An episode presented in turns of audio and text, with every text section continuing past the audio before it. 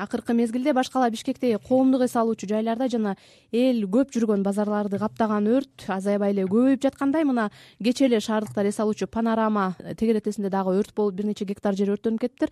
Өткөн жуманын аягында супара этно комплекси мадина базары андан мурда улуттук филармония жана арзуу рестораны өрттөндү. Эмнеге эл көп барган жактарда өрт каптоодо коомчулукту э, коомчулукта муну бизнеске болгон тоскоолдук деп айтып чыккандар да болууда эмнеге мындай жайларда өрттүн алдын алуу мүмкүн эмес? Мамлекеттик текшерүү иштери жетиштүү жүрүп жатабы? Менчик ээлери өрт коопсуздугун сактоодо жетиштүү иш аракеттерди аткарышабы? Кырсыкты болтурбоо багытында кандайдыр бир навигациялык заманбап шарттар түзүлүп жатабы? Ушул жана башка суроолорго жооп алуу максатында жарандык активист эксперт калеча умралиева жана бишкек шаары боюнча мамлекеттик экологиялык техникалык инспекциянын региондор аралык башкармалыгынын өрт көзөмөлү боюнча башкы инспектору бешен акматалиевди чакырдык. Студиябызга кош келдиңиздер талкуубузду баштасак алгачкы эле суроом өрт көзөмөлү боюнча мамлекеттик текшерүү иштери башкалада эмнеге жетишсиз болуп жатат? Буга кошула аласызбы ушундай жетишсиз болуп жатат деген пикирлерге? Жетишсиз болгон жок. Жетиштүү болуп атат. Биз сегиз айдын ичинде өрткө каршы өрт көзөмөлдөө бөлүмү бишкек шаары боюнча аймактар аралык экотех инспекциянын инспекторлору сегиз айдын ичинде беш жүз жыйырма бир объектин толук текшерүүнүн өткөздүк. Алардын ичинен пландык текшерүү үч жүз отуз алты пландан тышкары текшерүү элүү бир контролдук текшерүү жүз отуз төрт ыкчам текшерүү үч жүз жыйырма сегиз объект текшерилди. Ал эми башка бөлүмдөр менен биргеликте төрт жүз алтымыш алты.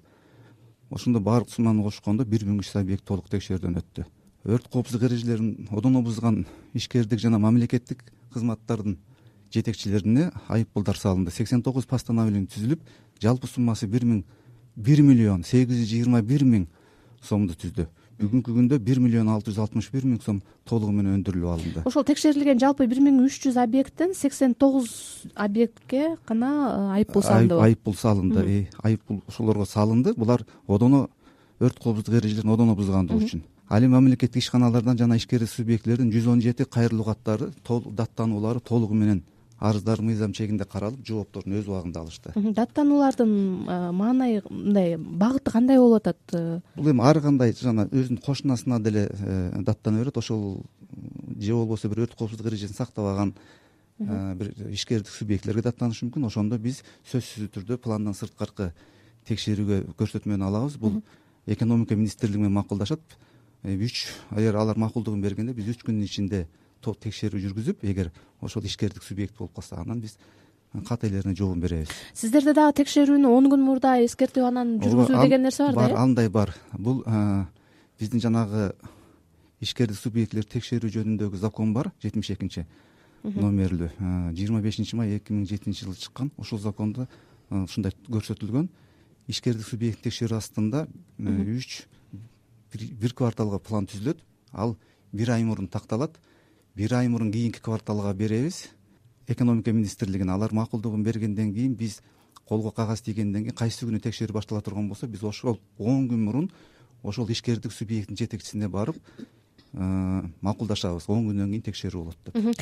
Э, калеча айым мына сиз өзүңүз баш болуп бир топ жарандык активисттер социалдык тармактарга коомдук жайлардагы өрттүн артында бизнеске бут тосуулар да турат деп жазып чыктыңыздар бизнести коргойлу деген да чакырыктарды сиз өзүңүздүн посттордон мен көрүп аттым. Мындай пикирге эмне себеп болду? Мен ойлоймун э, азыр көрөбүз да ошо күйүп атат биз угуп атабыз да азыр передел собственности болуп атат.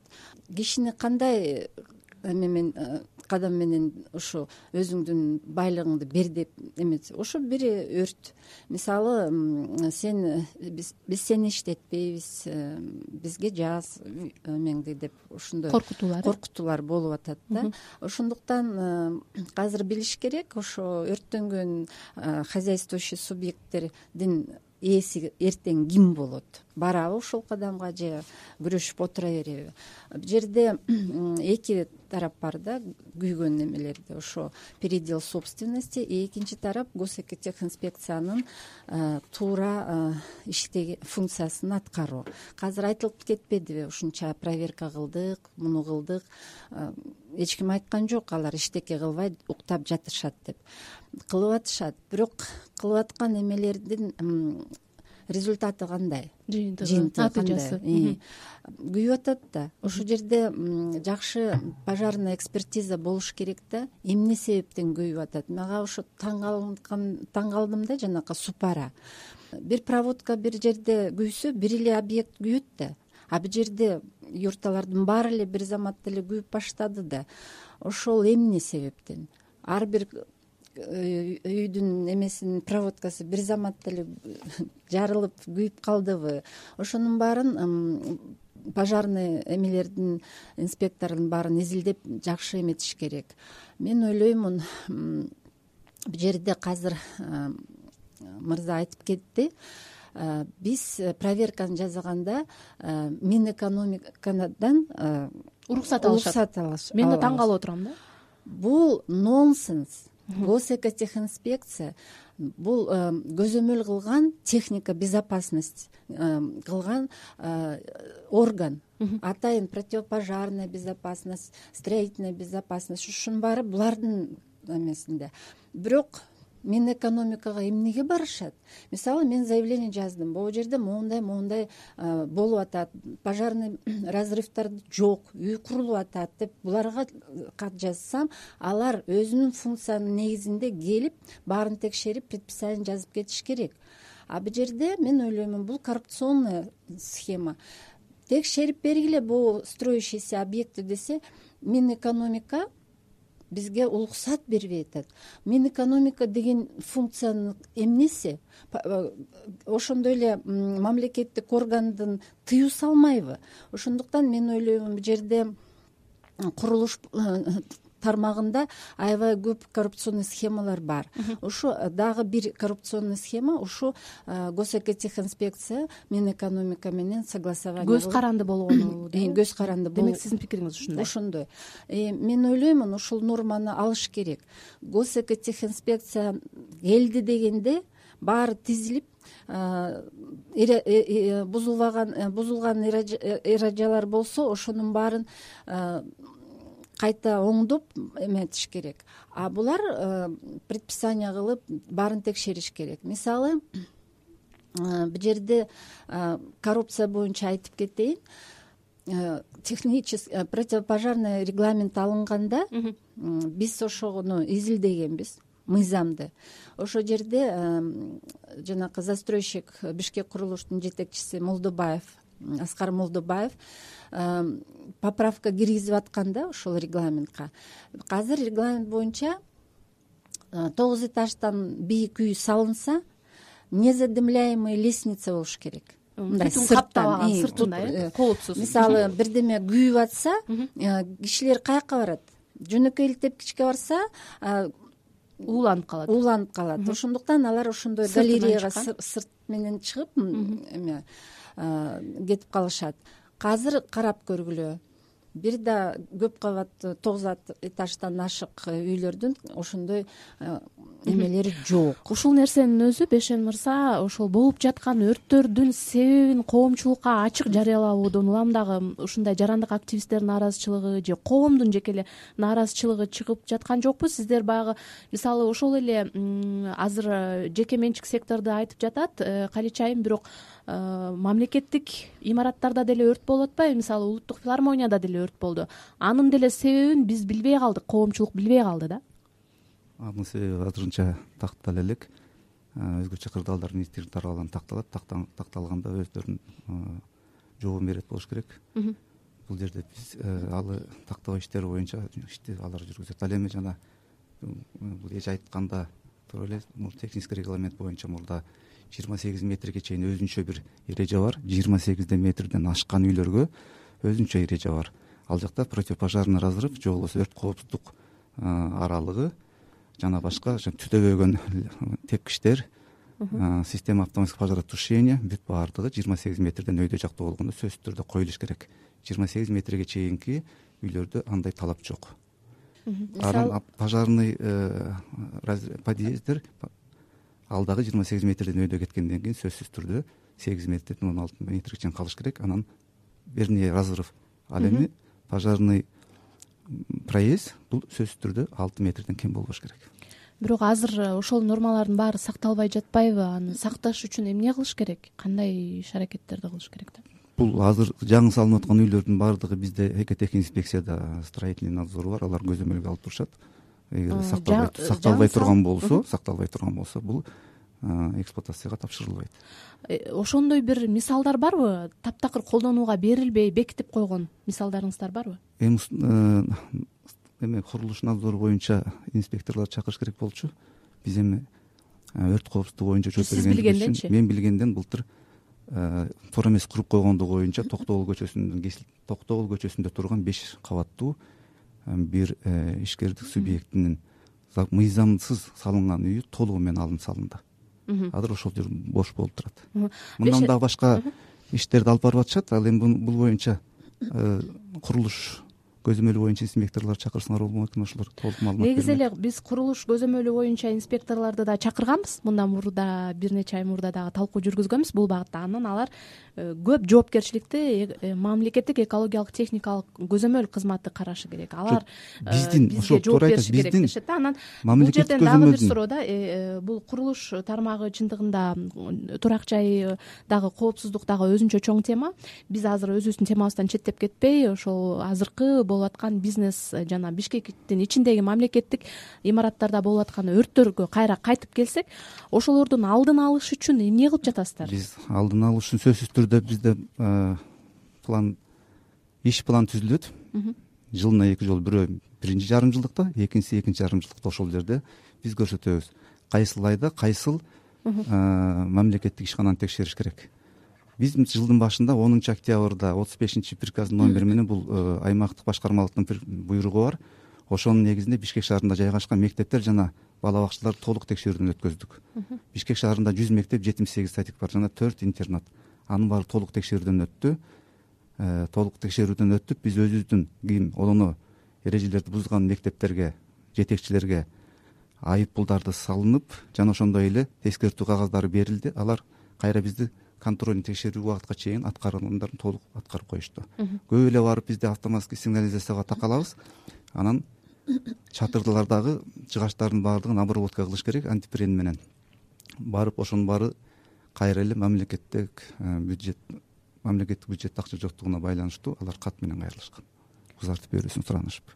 Азыркы күндө биз жыйырма бешинчи июндан баштап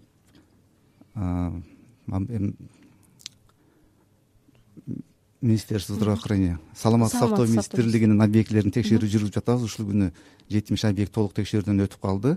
Ооруканалар ооруканалар эмканалар бейтапканалар жана окуу жайлары академия жана училищасы бар. Ошолордун баары толук текшерүүдөн өттү бир аз калды.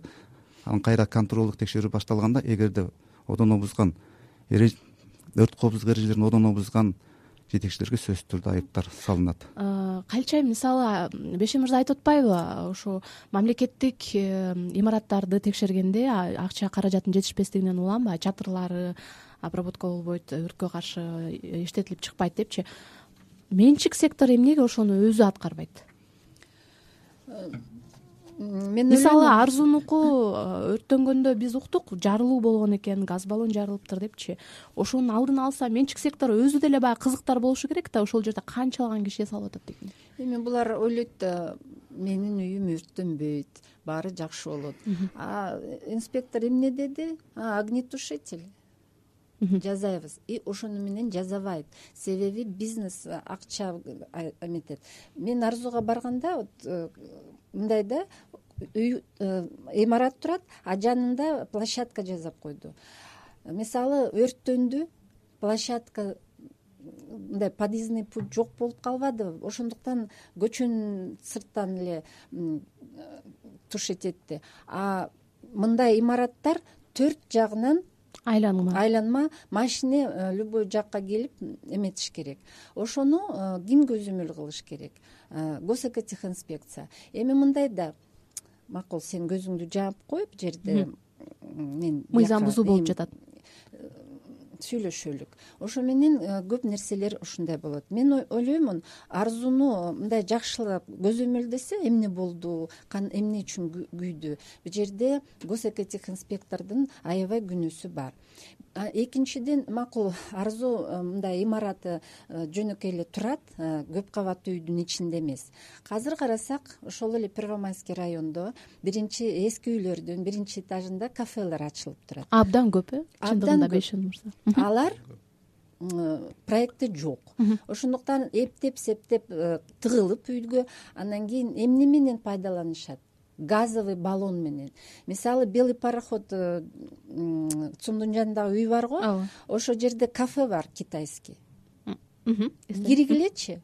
Ошол жерде газовый баллон турат. А бул көп кабаттуу үйдүн үстү эмне болот? Ошол баллон жарылса макул арзууда эч ким иштеге болгон жок. А бул жерде үй жашаган үй кишилер эмне болот баллон жарылса? Ошону сиз көзөмөлдөбөйсүзбү туура айтасыз азыр кафелерде газ баллон колдонушу мүмкүн. Биз жана эле айтып кеттик. Мен дагы эле айтсак азыр. туура айтасыз. Жана эле айтып кеттик. Биз ар бир текшерүү сөзсүз түрдө экономика министрлиги менен макулдашылат.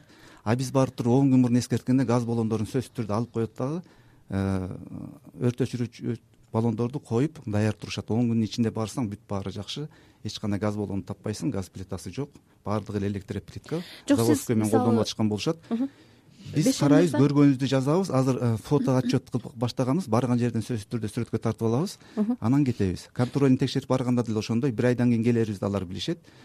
Мүмкүн биз текшерип бүтүп кеткенден кийин алар коюп алып атышкандыр. Бул эми алардын өздөрүнүн совестине коюш керек да жетекчилердинчи. Чын эле этажный үйдүн астында болуп аткандан кийин ал өзүнүн эле кафесин эмес үстүбүздө жашап аткан биздин тургундардын дагы өмүрүндө жана ден соолугуна жоопкерчиликти алыш керек да. Бешен мырза сиз ошол көзөмөлдөгөн э, биринчи май райондук э, бөлүм э аймак. Ошол аймактын ичинде сиз баягы өрт коопсуздугу идеалдуу деген бир коомдук тамактануучу жайды атап бере аласызбы?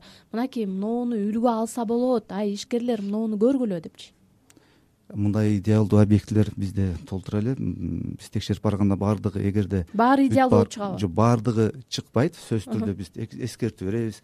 Эгерде жо- жооп бербей талаптарга жооп бербесе сөзсүз түрдө айып пул тагылат. Айып пул салынат. Айып пулубуз жогорку айып пулубуз элүү миң сом. Ошол эле мадинада элүү миң сом айып пул тартылган мадинанын ээси мадинада да. Мгм, жанагыда өрт болуп кетти деп атпайбызбы өрт болуп кетип анан айтылып атпайбы эч кандай текшерүү болгон жок деп жок эки миң он жетинчи жылы жетинчи августта текшерилип ал жака эскертүү берилип э, сентябрда барып эскертилген кагаздагы э, биздин эрежелерди аткарбагандыгына байланыштуу үч жүз токсон алтынчы берененин негизинде административдик айып салынган элүү миң сом а элүү миң сом төлөнүп берилген. Ал эми кайра эле ошо эки миң он жетинчи жылдын отузунчу декабрында каттын негизинде биз пландан сырткары текшерүү жүргүзүлүп алдын иши именно ошо пожар болуп өрт болуп кеткен жердин иши токтотулган. Токтотулуп бул жака суроо эме берилген убакыт берилген. Бир айдын ичинде противопожарный стена жана пожарный сигнализация коюлула деп. Алар мунун бүт баарын койдуруп келип горение письма келип ачып келген ачылган. Ал жакта пожар болгондо пожарный сигнализациясы иштеди. А, разрывдар бүт баары ордуну менен болгон. Аларды да э, противопожарный стенасы болгон үчүн распространение дальнейший распространение кеткен жок бешен мырза биз ошол э, мадина өрттөнгөндө бизге угармандар өздөрүнүн үндөрүн жиберишти да алты өрт өчүрүүчү машина келди бирок алтоо тең кире албай ошол өрттүн очогуна кире албай турушту депчи бул жерде машинанын очокко чейин жетип кереги жок биз баарыбыз да бул жака көрсөтке инспекциялердин астында мен ошо мчсте иштегемин өрт э, кызматкери болуп Э, ар бир курулган же болбосо азыр жаңы салынып аткан үйлөрдүн в радиусе эки жүз метрге чейин бир гидрант болсо ошол жетиштүү болот булар ал туура эмес айтат. Пожарный машина ал жака чейин жетпейт пожарный машина ошол жерден коет. Магистральный рукав тартып барышат андан кийин рабочий рукав тартышат. Ошонун негизинде барып өчүрүшөт. Бирок үстүрдүүдөн тартып алган эмени деле көрсөңөр керек. Разрыв бүт баары сакталган. Эгерде разрыв жок боло турган болсо өрт кийинки зданияга өтүп кетмек да ошол складтан бүттү бул. Рахмат э, калич айым э, жогоруда бешен мырза айтып өттү. Эң жогорку сумма элүү миң сом деп ишкерге салынган айып пул мунун өзү аз эмеспи ишкер үчүн. Бир э, мисалы ошол эле арзууну же болбосо ошол эле э, мадинаны иштеткен ишкер үчүн бул элүү миң сом жөнөкөй эле акча болсо керек туурабы? Жөнөкөй эле акча Муну кантип, бул жерде э, бул аябай нерсе- чоң акча бар да. Ошондуктан мен ойлоймун ушундай объекттер киши көп товар көп баары легко воспламеняющий товар болсо айып жогору болуш керек да мисалы. Анан кийин бул жерде мындай болуп атат да көп жолу алар келет предписание жазат штраф салат кетет. Ал э, мисалы предприниматель эчтеке кылбайт. Экинчи жолу келет. Сиз айтыңызчы мен мисалы сизге сизди сыйлабайм силердин сөзүн укпаймын мен кыйынмын. Эмне кыла аласыңар мага? Кандай чара көрө чара көрө аласыңар мага? Ошону айтып берсеңер жакшылап. Ушундай суроо болуп калсабы ушундай вот э, мен нахалкамын. ошондой э, мен крутоймун ошондой мисалы бир сиз келдиңиз предписание жаздыңыз биз- кагазыңды мындай ыргытып койдум. ошондой учурлар болобу ушундай учурлар болот сөзсүз түрдө. Ар жак бер жактарга телефон чалынат. Бирок биз ал эч нерсесине карабайбыз биздин колубузда минэконом менен макулдашылган предписаниябыз бар көрсөтмө кагазыбыз биз сөзсүз түрдө мыйзамдын чегинде. Ашык кетпей жаман жакшы айтышпай текшерип бүтүп бир ай срок берип кете беребиз ошол бир айдан ошол эле эгерде катты биз жазган көрсөтмөнү же актыны кол койбой ала турган болсо биз сөзсүз түрдө почта аркылуу жөнөтөбүз. Бир ай өткөндөн кийин кайра контролдук текшерип контролдук текшергенде кайра эле ошондой одоно өзгөчө өрт коопсуздук эрежелерин бузгандыгы болсо э, айып пул салабыз. Айып пулга чакырып протоколго жазганда чакырганда келбесе кайра эле почта аркылуу жөнөтөбүз. Бир ай күтөбүз. Андан кийин псиге өткөзүп берип туруп сот аркылуу э, штрафты алганга аракет кылабыз. Ошончо убакыт өтөт турбайбы демек э? Кайра эле ошол ошол убакыттын ичинде тейлөө иштери улана берет турбайбы ошол э, одоно бузган жерде улана берет уланып текшериле берет. Мисалга жабылбайт турбайбы демек ал ишкердик объект жок эгерде штраф салынып бүткөндөн кийин гана штрафты төлөгөндөн кийин дагы эле ошондой эреже бузуулар боло бере турган болсо анда биз ошо токтотконго аргасыз болобуз. Бул жерден биз жана майден эле айтып кетпедикпи биз жылдын башынан апрелден баштап башка дагы э, соода түйүндөрдү э, жана көңүл ачуу борборлорун текшердик. Мисалы бишкек шаары боюнча апрелден баштап ушул күнгө чейин элүү жети чоң чоң чоң чоң э, соода борборлору текшертилди мисалы жыйырма беш. Ош мисалы базар. базарлар ош базары текшерилди. ош базары текшерилди. Ош дордой. базары дордой базары азыркы күндө текшерилип жатат. Интерфинанс сары өзөн текшерилди. Кудайберген текшерилди. Сары өзөн жүз миң сом кудайберген элүү миң сом бишкекский торговый дом азия вест элүү миң сом. Кыскасы ушинтип отуруп жыйырма жети жыйырма жети соода түйүндөргө бир миллион үч жүз токсон беш миң сом айып пул салынды калгандары өз убагында контролдук текшерүү келгенге чейин кийин кайра контролдук текшергенде толугу менен аткарып коюшту. Көрүп атпайсыңарбы акча э, эметет. А бирок э, э, жыйынтык? жыйынтык кандай? Мисалы э, вот ош базарды алалык мен тияка баргым да келбейт. Себеби э, ряддардын арасында э, араң өтөсүң. Машинени айтпай эле коелук ошол ош базар күйсө машина барабы гидранттар барбы э, огнетушительдер барбы кимде бар. Казыр текшерсе мен ойлоймун жакшы рейд болот эле кимде эмне бар? Азыр туура айтасыз азыр текшерилип атканда булар мындай эксплуатацияга берилип атканда же болбосо ушундай бир өткөзмөлүү жактардын текшерүү жүрүп жатканда булар сөзсүз түрдө ошол проезддердин баарын тазалап эшигинин астында турган жана жарым метр квадраттыдай жөн отурушпайбы? эле жаран катары барып мындай жаран катары барганда дагы ошол бул эми мындай болуп атат да биз барган убактарда сөзсүз түрдө алынып коет дагы анан кайра эле кеткенден кийин өз алдынча мунун баары акча турат да. бир квадрат метрин да эки квадрат метрин да ошондо акчага сатышып эле ошол кайра жанагы проезддин баарын жаап чыгып алып атышат да. Анда жагыш керек да ош базарды. түшүнүктүү кечирип коюңуздар. Э, тилекке каршы биздин талкуубуз аягына чыгып калды. Э, бул тема чындыгында абдан оор баарыбыз үчүн аябай актуалдуу тема. Бүгүн биз бишкек шаарындагы коомдук эс алуучу жана базарлардагы өрт коопсуздугу тууралуу талкуу жүргүздүк. Ага жарандык активист эксперт калеча омуралиева жана бишкек шаары боюнча мамлекеттик экологиялык техникалык инспекциянын инспектору бешин акматалиев катышты. Келип бергениңиздер үчүн ыраазычылык айтам. Кадырман угарман биздин талкууну эгер өткөзүп жиберсеңиз интернеттеги азаттык чекит орг сайтынан кайра уксаңыз болот. Бүгүнкү талкууну мен бактыгүл чыныбаева жүргүздүм. Укканыңыз үчүн рахмат айтам. Саламатта туруңуз